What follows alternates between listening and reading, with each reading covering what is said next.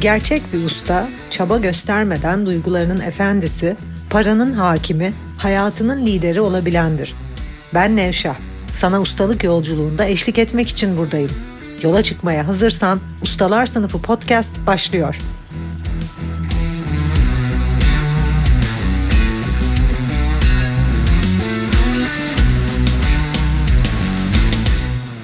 Merhaba.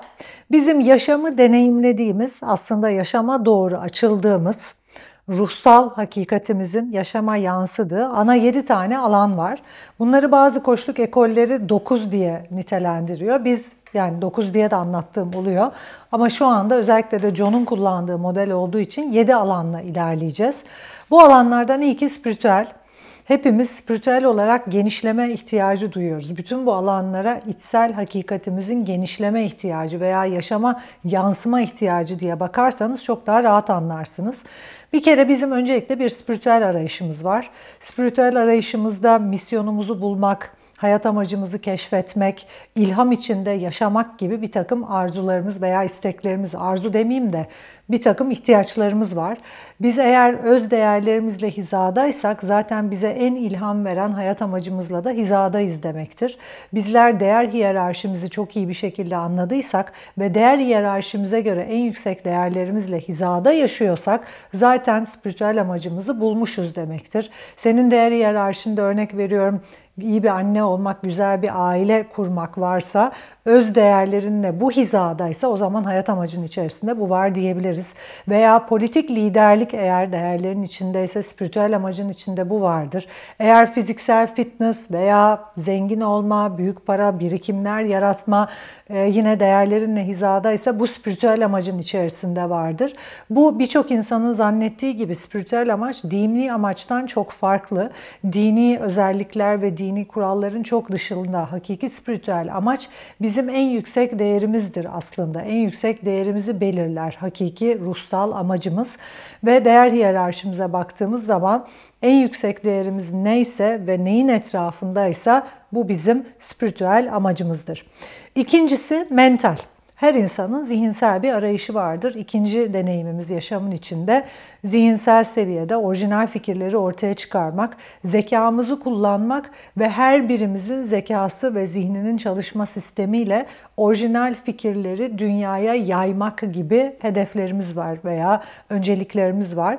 Ee, insanların her biri ilham dolu bir yaşam yaşayabilmek için zihinlerini ifade etme ihtiyacı duyar.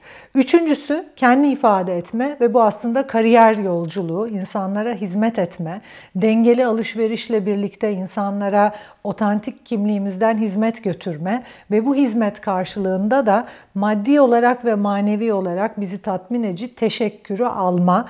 E, mutlaka e, birine hizmet edip bunun karşılığında aldığınız maddi manevi tatminin ne olduğunu, sizi nasıl tatmin ettiğini deneyimlemişsinizdir. İşte bu alan o alan. Dördüncüsü yaşamın diğer bir alanı finansal. Hepimizin finansal arayışları da var ve finansal özgürlük olarak en üst seviyesine koya en üst seviyesini e, kelime e, nitelendirebiliriz. E, parayla para için çalışmak değil, paranın senin için çalıştığı, kazandığın ve elde ettiğin birikimi arttırdığın, tüketim değil, azalacak şeylere, değer kaybedecek şeylere değil, değerde kazanacak, değeri artacak şeylere yani asetlere yani varlıklara paranı yatırdığın, var olan parandan para kazandığın ve para ve birikimini ve yatırımlarını arttırarak wealth building dediğimiz yani e, parasal olarak büyüdüğün bir e, finansal olarak büyüdüğün bir alan. Hepimiz yine bu alanda da genişlemeyi istiyoruz. Parasal olarak büyümeyi, zenginliğimizi arttırmayı istiyoruz. Beşinci alan aile. Aile olmak, aile kurmak, çocuk sahibi olmak, ailedeki sevgi, yakınlık, biriyle yakınlaşmak, ruhsal olarak onunla bağ kurmak, karşındaki kişide kendi yansımanı görmek, e, bireysel olarak kendinle kurduğun ilişkinin yansıdığını görmek ve biriyle böyle tam olarak işte o yengeç burcunun tarifi olan ailede sımsıkı makyajsız birlikte olabilmek yine böyle bir ihtiyacımız var. Altı sosyal liderlik, diğerlerini etkileme ve e, diğerlerinin hayatlarına dokunup belli bir alanda lider olma. Çünkü hepimizin hayat amacı ve değerleriyle hizada olduğu noktada hepimiz o değer hiyerarşimize göre bir takım alanların lideriyiz.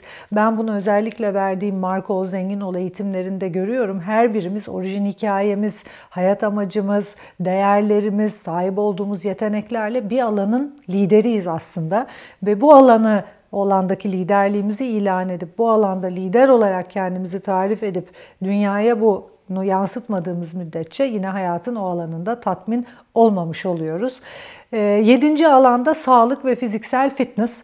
Bizler fiziksel olarak iyi olmak, fiziksel olarak sağlıklı olmak, yaşamın diğer alanlarında güçlenirken diğer taraftan fiziksel olarak da güçlü olmak, sahipli olmak, e, sağlıklı olmak, genç olmak, genç kalmak, dinç olmak istiyoruz tabii.